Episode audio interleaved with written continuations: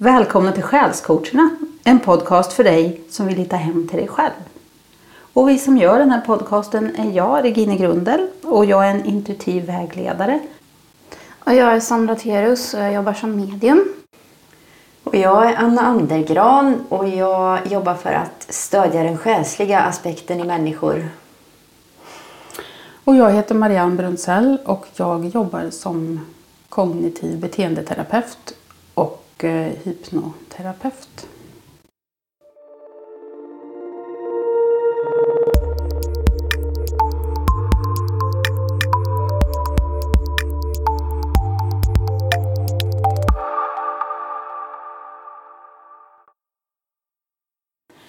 Ehm, idag ska vi prata om eh, mediumskap. Och, eh, häromkvällen var jag och lyssnade på Sandra Terus som hade en intressant föreläsning om hur hon jobbar. Och vi ska få ta del av det här idag. Hon ska berätta om sig och sitt arbete och vi kan få ställa lite frågor. Så Sandra Terus, hur började du din karriär? Mm. Ja. Just den här delen av mitt liv har jag haft sedan jag var barn. Så jag har ju upplevt andevärlden och sett den och, och främst känt den då, har jag gjort. Och jag har även känt av energier när jag var liten och genom, ja, nu är jag ju 30. Men jag har ju känt av det hela tiden och till en början har jag ju inte förstått vad det har handlat om. Men det har liksom pusselbitar har fallit på plats med tiden som har gått. Eh, med min karriär kring det här eller mitt, ja, in, inkörsporten till det här var väl när min mormor gick bort 2006. Då um, började det hända för mycket grejer hemma. Det var lite för intensivt så jag var tvungen att eh, ja, kunna hantera just den delen då. Och eh, då gjorde jag så att jag gick en utvecklingskurs här i Karlskoga. Och eh, på den vägen är det. Det, var liksom, det, var, det är precis som jag hittade hem då. Det här ska jag göra liksom. Så där flöt det på väldigt mycket. Det har gått väldigt fort. Så nu har jag väl varit aktiv i sex år ungefär. Så jag har väl varit lite... Väl, först började jag med att jag gjorde på de närmsta runt omkring. Att jag tog kontakt med andevärlden och eh, så siar jag även i tarotkort. Så det är väl det jag gör först och främst. Ehm, sen så har jag även kurser också idag. Och husreningar och sånt. Men eh, det var väl det som är liksom grunden till mig, att jag har liksom sett och upplevt andevärlden hela mitt liv. Så länge jag kan minnas i alla fall. Mm. Kan du inte ge något exempel? Det är ju jättespännande. På vad då? På en upplevelse. En upplevelse. Vad du har sett. Mm. Ja, eh, hemma när jag var liten, kanske runt tio, då kommer jag ihåg att jag eh, var hemma hos, eller hemma hos oss då. Och eh, då började jag känna en rök typ eld, eller rök ifrån eld om man säger, hemma. Mm. Ja. Mm. Och, eh, men jag såg ingenting. Men jag och min bror vi var så rädda så vi sprang över till grannen och frågade ifall han kunde komma över och titta. Men han, eh, jag gick in och kollade men han, han såg ingenting. Och sen eh, gick vi in tillbaka igen då. Och då kände jag inte av det. Men sen så såg jag någon svischa förbi ögonvrån och då kom den här doften återigen då, men sen försvann den på en gång. Mm. Så det är en av upplevelserna. sen har jag varit väldigt rädd för just mörkret när jag var liten. Eh, så jag har liksom vaknat väldigt ofta, känt mig iakttagen och sådär. Och sen, eh, sen har det väl varit lite till och från kring det där för jag har successivt stängt av när jag kom upp i tonåren på grund av att det var väl så mycket med mig själv då förmodligen. Men fortfarande så, så kände jag av energier. Eh, en annan upplevelse eh, var när jag eh, var hemma hos eh, en gammal pojkvän då när jag var i tonåren. Och eh, i det huset var det nästan lite känt för att det hade hänt någonting liksom där. Men när vi satt och skulle kolla på TV då märkte jag av att det var någon som höll på att pilla med håret. Jag trodde det var han som satt bredvid. Mm. Men sen när jag tittade på honom så var han inte, liksom inte i närheten eller höll på med något. Men då såg jag att mitt hår började liksom lyfta, alltså det var precis som någon tog tag i håret och lyfte upp den. Så jag såg liksom håret flyga så lite åt sidan. och då fick vi lite så här, oj, creepy känslor och det Ja. liksom, håret bara reste på sig armarna och sådär. Blev du rädd eller först, alltså, har du vetat någonstans i ditt centrum sådär att, att det här är naturligt eller hur har du tänkt kring det? Nej, alltså jag har ju varit rädd för det. Har jag. För jag har liksom inte förstått eh, exakt vad det är. Alltså jag har ju misstänkt, jag har ju haft en känsla av att det är andevärlden så. Men det är just att, man inte, att jag inte har sett dem så tydligt då. Så jag har liksom inte förstått eh, på ett annat sätt. Eller om man ska, det är svårt att förklara. Men det var väl mest rädslor då. Fram tills att jag började liksom få kontrollen själv och kunna styra över det. Bestämma när jag vill ha kontakt och inte. Så nu, nu kan jag känna av andarna hela tiden men det, det blir till en viss gräns. Liksom. Sen får jag liksom bestämma själv när jag vill bjuda in dem och ha mer kontakt med dem. Hur gör du då? då? När du stänger av eller när du bjuder in? Ja, när jag bjuder in så är det liksom bara medvetet att jag bestämmer mig för att ja, ber kanske bara frågan om, om det är någon som finns med. Det blir på ett sätt in, att bjuda in liksom. Men när jag inte vill hålla på och jobba med det då, säger jag, eller då tackar jag liksom för det jobbet och den informationen jag fått. Och sen så att jag medvetet tänker att ja, men nu är jag klar. Nu har jag jobbat färdigt så nu får ni vänta tills jag bestämmer mig till nästa gång ungefär. Så det är precis som att jag ser en dörr framför mig slå igen liksom, tillfälligt. Då. Ja, jag har ju haft mycket kontakt med dig Sandra genom åren här och haft mycket hjälp av dig. Så ja, det är ett jätteviktigt arbete du gör. Otroligt viktigt. Mm, det är kul att höra.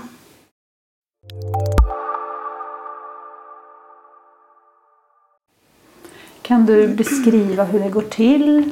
Det jobb... Men, för du jobbar ju inte bara som medium, du jobbar ju som healer också. Ja, Hur, hur ser en, om man kommer boka träff med dig, hur kan en sån träff se ut?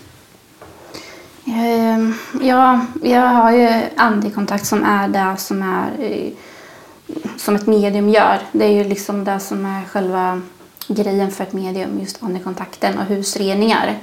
Men sen så håller jag på även med andlig healing. Eh, Jag siar, så jag spår ju i tarotkort också. Eh, Så det beror på lite vad det är man vill ha för typ av hjälp. Om man vill ha mer vägledning i sitt liv.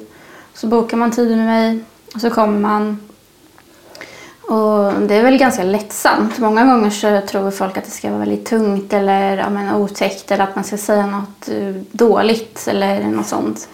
Men det är väldigt lättsamt i just träffen så. Och sen att man försöker, eller jag försöker ge den eh, klienten behöver. Om den behöver vägledning eller om den behöver ha kanske ett avslut med någon på andra sidan.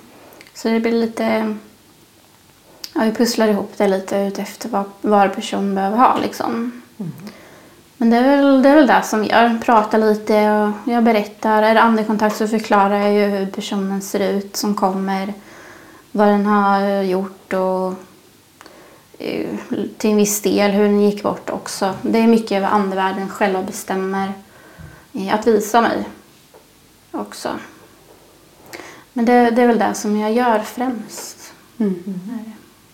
Upplever du många situationer när de, de kommer till dig, de får, de får budskap och kontakt via dig och kan göra avslut. Upplever du att eh, många behöver det för att kunna gå vidare? Eller kommer de tillbaks flera, flera gånger? Alltså hur, hur ser processen ut? då? Det är väl mest folk som kommer och, och känner att den får faktiskt ett avslut.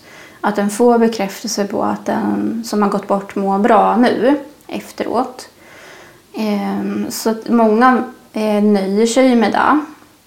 Men sen så finns det ju de som vill ha en lite mer tajtare kontakt med den och, och kanske vill få vägledning sen resten av tiden i sitt liv.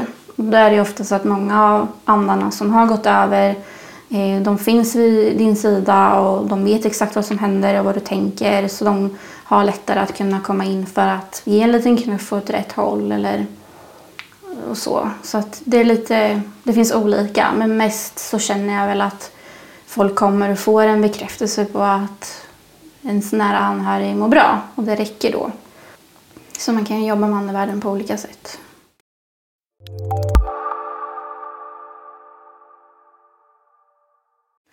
Jag undrar också om det finns olika nivåer i andevärlden. Eh, För jag kan uppleva att jag har hjälpare, andliga hjälpare, vägledare, änglar eller vad, man nu, vad det nu är för något. Jag vet knappt vad det är för något. Men jag undrar om det är på ett annat sätt än med anhöriga. Eh, Så som jag har upplevt det och fått till mig så är det olika plan, energiplan.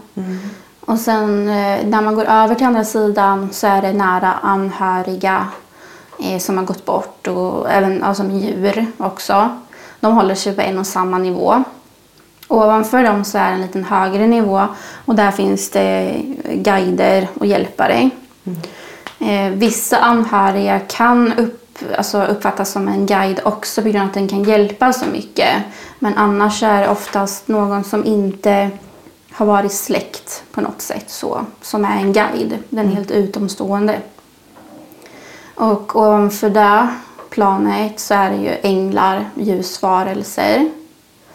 Och sen så upplever jag att ovanför det planet så är det ja, men, som gudar. Och eh, lite högre så. Och sen kommer det här alltet, det stora, ursprungskällan eller Gud som vissa säger också. Så, så det, det är som en liten pyramid kan man nästan se det som med olika energiplaner. För änglar till exempel har ju en väldigt snabb energi, de är väldigt snabba jämfört med våra anhöriga. Så det har lite olika frekvenser kan man säga. Hur har du känt in? Har du liksom fått se det här eller hur, hur vet man att det är så? Ja, eh, upplevelsen när jag har fått kontakt med, med våra nära anhöriga är ju en jättestor skillnad jämfört med en ängel. Jag har haft kontakt med änglar eh, men jag har, eh, jag har hittills sett mycket färger kring dem när de har varit, kommer på besök eller finns i närheten. Men sen har jag nu under senaste tiden när jag gör healing eh, känt av en ängel som stod bakom mig sist. Det var väldigt kraftfullt. Det blir en helt annan energi. Eh, och det blir mycket tydligare, snabbare eh, information. Så. Eh, Jag har ju fått genom meditationer med mina guider och så fått information om och och insikter om hur det går till när man går över till andra sidan och eh, hur saker och ting ser ut, liksom, hur det är lite uppbyggt. Så jag har ju fått informationen ifrån dem. Jag är ju väldigt självlärd eh, så jag har ju gått några kurser men mycket har jag lärt mig själv som att göra husreningar där jag eh, hjälper andevärlden vidare ifall om det som har fastnat. Eh, Men också eh, om jag ska balansera med mina energier på en plats så har jag liksom lärt mig det själv. Så att jag har- jobbar mycket med mig själv för att kunna få till med det här också. Har jag gjort.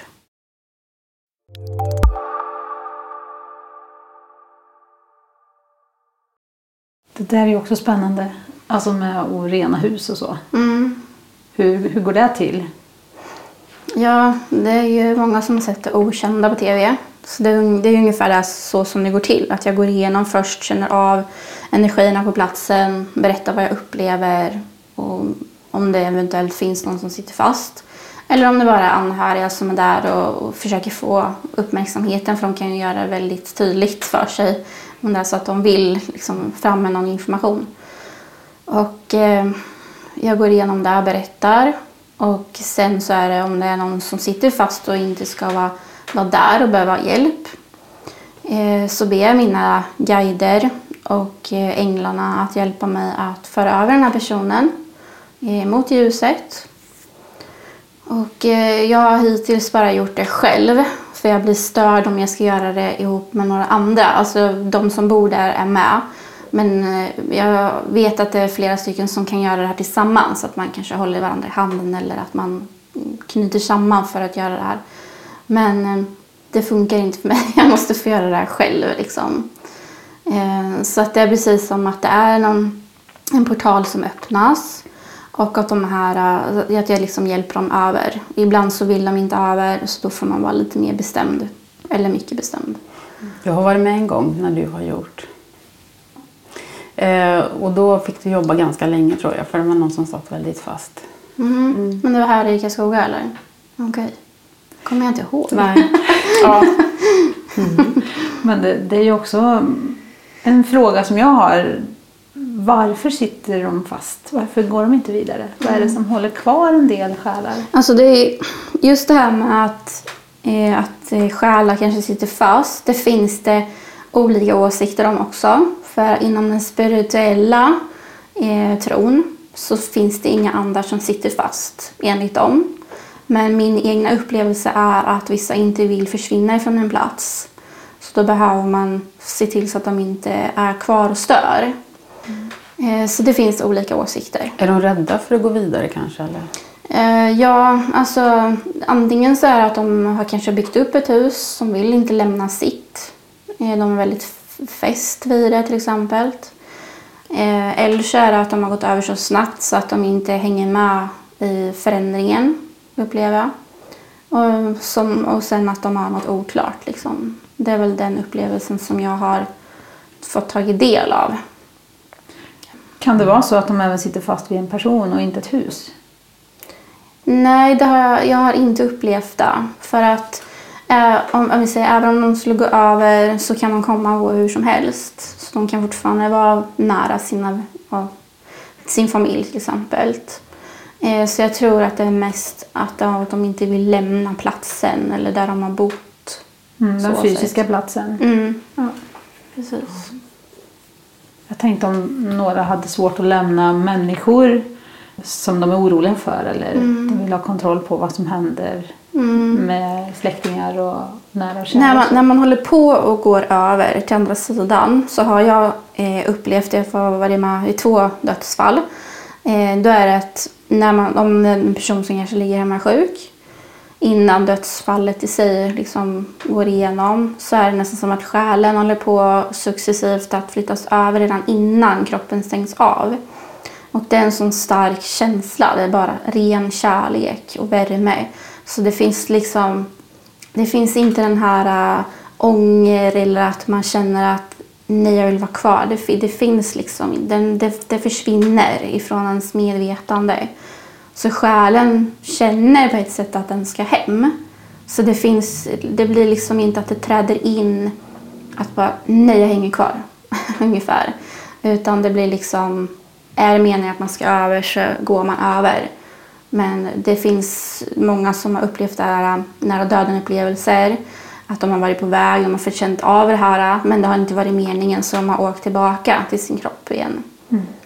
Så att, eh, jag har inte än så länge i alla fall hört att det är så att man kan bestämma själv att nej, jag stannar kvar. Eller att det blir någon slags limbo eller något att, att, på grund av den känslan. Utan jag tror det är andra faktorer som gör att man fastnar. Liksom. Att man kanske står mitt emellan. Ja, det är väldigt invecklat eller stort så. Men jag tror att det, det är liksom det, det är no någonting som inte liksom fullföljs på något sätt. Min mamma var ju jätterädd innan mm. hon dog. Alltså riktig dö dödsångest. Mm. Och då har jag funderat på om det försvårar hennes övergång eller hur det blev. Men det kändes samtidigt, när, för jag satt ju hos henne då, då kändes det samtidigt i rummet att det fanns energier där som väntade på att liksom hjälpa henne över på något mm. sätt. Mm. Det är ju många som, alltså, även om man kanske inte har någon på andra sidan som står och väntar när man ska gå bort så finns det alltid en energier som kommer och hjälper till för att ta dig över liksom, eller ja, men välkomnar dig eller kommer och möter upp på något sätt. Så att eh, oftast är det att många kan känna av att det är energi redan innan personen dör för att förbereda och sen men, göra det lugnt för personen. Liksom. Så att man är aldrig ensam, även om vi kan tycka och tro att ja, men personen som gick bort kanske inte hade någon just där då. Men på ett annat sätt så hade personen det.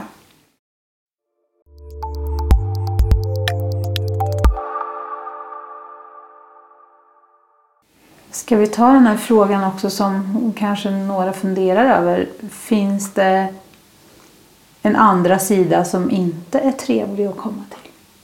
Nej, det är samma sida eh, som alla kommer till. Alla går liksom över till, till ljuset eller till himlen. Eh, alla får samma upplevelse där. Det finns inget dömande på något sätt utan den enda som dömer är personen själv i så fall. För man, man går över till andra sidan, går igenom sitt liv eh, så som man har levt det. Och det är då man får känna det man har gjort mot andra, eh, se över vilka lärdomar man har gjort. Om man har gjort de lärdomar som man hade tänkt sig göra ifrån början. Eh, för innan man går ner till ett liv så är det som att ett kontrakt skrivs eh, där man går med på att vissa lärdomar ska man ta del av det här livet. Och ibland kanske av någon anledning så avslutas livet tidigare och då kanske man inte har gått igenom någonting som var viktigt. Så det kan det vara så att man behöver gå ner igen. Men det är där man går igenom liksom när man går över till andra sidan. Plus att man blir helt läkt ifrån åkommor och sjukdomar och skador och allting sånt. Så det finns liksom inget dömande eller helvetet eller bara himlen att det är antingen eller. Utan även om man inte har gjort sådana bra saker i livet så kommer man till samma ställe liksom.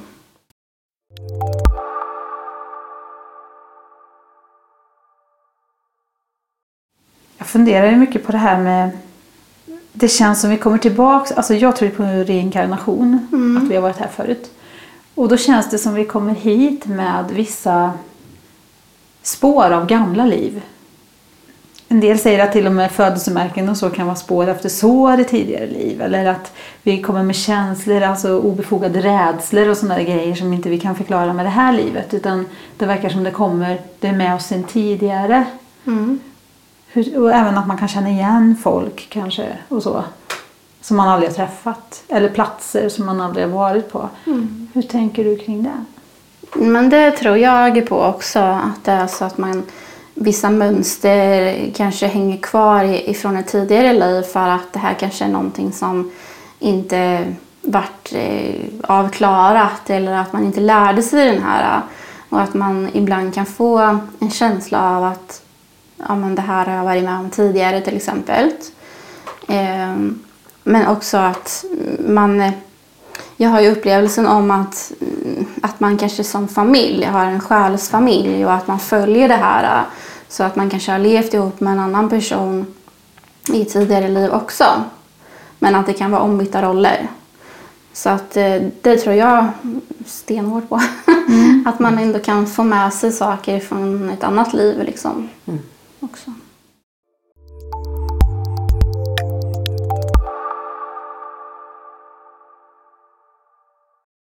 Det finns ju många skeptiker också där ute som säger att det tar bara slut när vi dör. Mm. Eh, Jag måste fråga dig Marianne, kommer du ihåg på din 40-årsfest? Ja, just det, ja. det är faktiskt en rolig grej. Ja. Min, min bror är, eh, han säger att allt blir svart när vi dör. Det finns inget mer, punkt slut. Och vi har ju ganska vilda diskussioner då, han och jag kan man ju tänka sig. Men då var ju han, han skjutsade mig till din fest tror jag. Och då var han med in och så pratade vi om det här. Och då sa han så här, nej det blir bara svart när vi dör. Och vad sa du då Marianne? Oj, vad förvånad du ska bli. Det är det roligaste jag har hört i en sån diskussion faktiskt. Han blir alldeles tyst. ja, den kommer jag aldrig glömma. Underbar. Ja, men har du träffat någon skeptiker någon gång Sandra som har varit sådär, "Ah, det här tror jag inte på. Och sen så har du övertygat liksom. Eh, Inte någon som har uttryckt sig så, men jag har ju känt av att den är skeptisk eller att ja, men man varit hitdragen av sin fru till exempel. Hitsläpad. ja, just det. Så det har ju hänt. Men eh, några har jag väl, eh, ja men inte omvänt, men alltså fått lite, sått lite frön kanske hos att ja, men det kanske finns något mer. Men jag upplever ju att allmänt så är det ju att människorna blir mer öppna för det här. Att de blir mer medvetna och känner av saker. Och Jag tror att liksom, men det kanske är lite generationsbyte men också att energierna hö- höjer människorna lite. Så jag tror att det är den här tiden som är på väg in hos alla. Paradigmskifte som det, många pratar om faktiskt, som pågår. Att det är en högre medvetenhet om vilka vi är och var vi kommer ifrån och vilket syfte vi har. Det känns som det finns två, två falanger. Några som bara säger att nej, det finns inget. Och andra som är öppna. Mm. Alltså, och de här som säger det finns inget bevisade för mig. Vad, vad ska man säga då? Alltså, vad säger ni andra? Om någon säger nej, jag tror inte på det här. Det finns inga bevis för det här. Nej, men det, är ju- det är ju ingen idé att gå in i en diskussion. Nej. Men finns det några bevis? Har ni upplevt några bevis som är så här äh, tydliga så att som kanske var en vändpunkt för er själva? För jag är en skeptiker så jag behövde uppleva saker själv för att bli övertygad om att aj men det finns något mer. Mm. Har ni så, upplevt så, så sånt? tycker jag att det är för mig också. Att beviset är min egen upplevelse. När jag upplever någonting som sant och verkligt då är det bevis nog för mig. Mm. Mer än, än vad som står i någon bok eller vad någon professor säger. Eller, Ja, och dina bevis kan inte du använda för att övertyga någon Nej, annan. För absolut var och en måste ha sin egen. Alltså, det. jag till exempel, när eh, min son hade gått bort så gick ju jag till dig Sandra såklart. Och du hade ju aldrig träffat honom, du visste ingenting om honom. Nej. Men du sa så många detaljer som stämde in så att du kan inte ha hittat på det. ja. Så det, det var en skön känsla så. Att man kände rätt. Jag tror att om man behöver bevis för det, om man ändå öppnar dörren lite för att det kanske finns något och man behöver bevis och kanske går till ett medium, då kan man ju få det beviset. Men man måste ju också ha rätt att välja att inte tro förrän, alltså, Jo, det är och stänga den dörren. Mm. Det är ju var och ens fria vilja Absolut. då. Den fria viljan är ju den första, kosmiska första lagen. Ja. Men rent logiskt så tänker jag så här. Vad är trevligast för mig personligen att tro på oavsett bevis? Är det att tro att allt tar slut, det finns inget mer putsväck borta? Eller att det finns något mer, något härligt, något underbart som, där jag bara kommer känna mig hemma och, och tillfreds. Så här. Jag mår ju bättre rent psykologiskt av att tro det. Dels så slipper jag ju dödsångest. Förhoppningsvis, det vet man ju inte förrän i sista ögonblicket kanske. Men man får ju en helt annan syn på livet på något sätt. Så jag tycker bara man vinner på det även om man inte kan... I en diskussion kan man inte bevisa så här att ja, det här finns och det här finns inte. Vi har inget att ta på. Men ändå själva inställningen att det finns något mer gör ju på något sätt att man mår bättre, tycker jag. Det tycker jag också. Jag, för mig blir det väldigt ologiskt att det inte skulle finnas något mer. För det, då blir ju hela livet väldigt meningslöst tycker jag. Alltså Eller det spelar ingen roll vad man gör. Om man gör bra eller dåligt eller om man bidrar eller inte. Mm. Spelar ingen liksom. roll, det kan man kan väl lika skita i allt Ja. liksom. För sen när man dör så är allting bara borta. Mm. Det- det- Väldigt meningslöst. Ja, Så helt tänker jag meningslöst. Mm. Jag vet inte. Jag får inte ihop den världsbilden. Nej.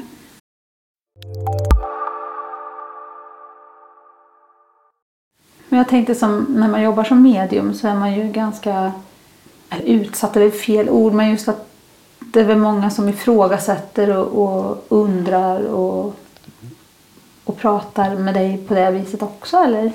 Ja, alltså ibland har jag träffat på folk som absolut inte ens vet vad ett medium är. Och det är lite kul för det oftast så är det många som vet vad det är. Men eh, senast i förrgår så träffade jag på en, en man som frågade ja, men vad jobbar du med? "Ja, Jag jobbar som medium. Ja, det säger mig ingenting. jag bara, jag bara nej okej. Jag bara, Ja, okej, då fick jag förklara Ja. liksom. Så det finns ändå de som aldrig har ens har varit sniffa på den här världen. Det är ju konstigt att man kan missa det. Ja, Ja. så det, det finns, men det, den större delen vet ju vad ett medium är idag. Liksom. Mm. Och söker man sig till dig så är det väl för att man är öppen och vill ha liksom lite... Ja, alltså många gånger så är det att man har kanske börjat uppleva saker och vill ha lite svar på sina frågor. Eh, Eller bekräftelse är det ju oftast då.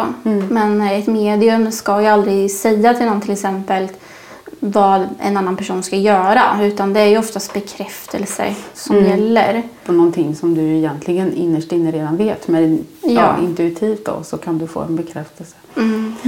Sådär.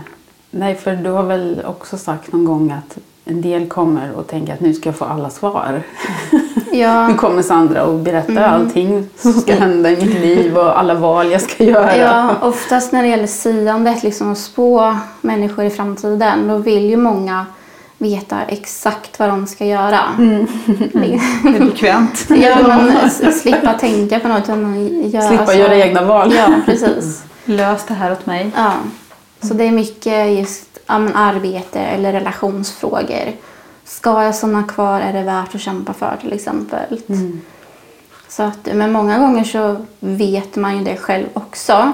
Bara att jag liksom drar ut det här hos personen för att den ska få en mer klarare upplevelse kring vad personen känner kanske. Mm. För att många gånger så är det att känslorna gör att det blir splittrat och då vet man inte riktigt vad, vad vill jag egentligen eller mina tankar som styr. Mm. Så det blir liksom Är det att... hjärtat eller magen som... Ja, så det blir att de- får landa lite mer i sig själva också samtidigt som jag spår dem i. Fast framtiden eh, kan de ju aldrig ta på förrän de är där. Nej. Men jag har fått väldigt mycket bekräftelse att, efter att jag har spått liksom att ja, men nu har det här hänt som du sa till mig och du berättade att det här skulle hända och det har blivit exakt så. Så det är jättekul att få just den responsen. Att det faktiskt saker har hänt då som jag har berättat om. Ja, det har jag också varit med om. Ja. Ja, man har hört mycket positivt om dina eh, kunskaper och hur... Ja, roligt. Ja, Mm. för att eh, alla som du har, som jag vet som har varit hos dig, som har berättat det för mig sen, har varit jättenöjda och Mm. sagt att du är klockren. Ja, det är Och- samma sak eh, här. Att alla har varit jättenöjda och att hon är jätteduktig Sandra. Så det, ja. Och du har ju känt in min katt till exempel. När jag Ja. var jätteorolig för honom för att han mådde dåligt. Och då så skickade du över Messenger. Mm. Bara några rader som bara gjorde allt mycket lättare för oss. Och vet hur vi skulle handskas med honom. Du bara så här, bara pang bom så. ja. Ja, ja, men det är kul just med kommunikationen med djur, för det gör jag också då, till viss del, inte så mycket. Men det får jag ju mycket till mig om hur djuret mår. Och sen om man vill ställa några frågor till djuret så får jag även svar kring det också då, tillbaka. Så där har jag ju varit iväg eh, mycket, även ut och träffat mycket hästar då, för att de pratar väldigt mycket om. Men eh, och sen just det här om folk frågar kan du hitta föremål eller hitta min katt eller sådär. Mm. Men jag, jag kan inte hitta det. För att jag, jag upplever att när jag försöker få kontakt med många katter som springer bort. Då, de förflyttar sig så mycket så det är så svårt att veta vart de är. Mm. Och sen vissa vill inte Nej. också. Så att, men annars liksom att prata med djuren så är väldigt lätt. För mig i alla fall.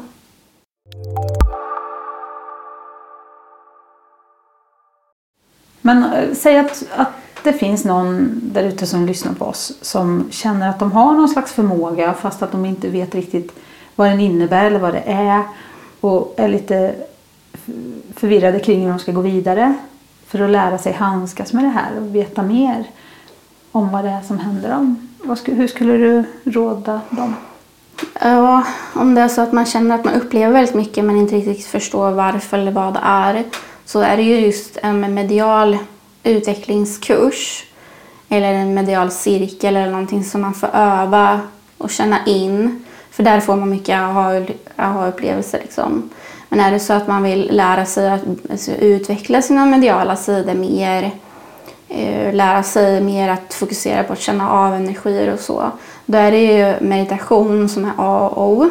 Det är jätteviktigt att ha det i grunden och hålla på med det. Eh, sen är det mycket personlig utveckling. Men också att träna på intuitionen är jätteviktigt för att mediala arbetet ska flyta på och utvecklas. Så att eh, det som jag brukar ge som tips är att man kanske har en orakelkortlek Eh, då blandar man kortleken. Så låter man någon person dra ett kort. Och sen när personen har dragit korten lämnar man över det till den som ska känna in och läsa av. Då. Och eh, blunda är det bästa för då är att man öppnar upp sina sinnen ännu mer och känner in energierna ifrån personen som har dragit kortet. Och man ska försöka vara stilla i tankarna, vara neutral, inte ha monkey mind som liksom är ute överallt utan försöka landa i sig själv. Tänk, har man svårt för att slappna av och stilla sina tankar så kan det vara bra att man, om man börjar andas lite och tänka på andningen. Men det viktigaste är att man bara rabblar ut det första som kommer till dig utan att lägga in någon värdering kring det. Eller fundera på varför ser jag det här eller varför känner jag här? Vad betyder det här? Utan i början när man ska få igång flödet, energierna, så är det viktigt att bara slänga ur sig de känslor och ord som kommer direkt. Så det är det första man kan börja med att öva med. Då. Men annars är det liksom för att hantera, att kunna öppna och stänga upp eller stänga ner så är det kanske en medial utvecklingskurs som behövs då, tycker jag. Har du sådana kurser? Ja, jag har lite olika kurser i utveckling, eh, även lite tarotkort också och healing är det som jag utbildar kring. Då. Och hur hittar man dig Sandra? Jag finns ju på Facebook. Där är medium Sandra Terus. Eller på min hemsida www.mediumst.com.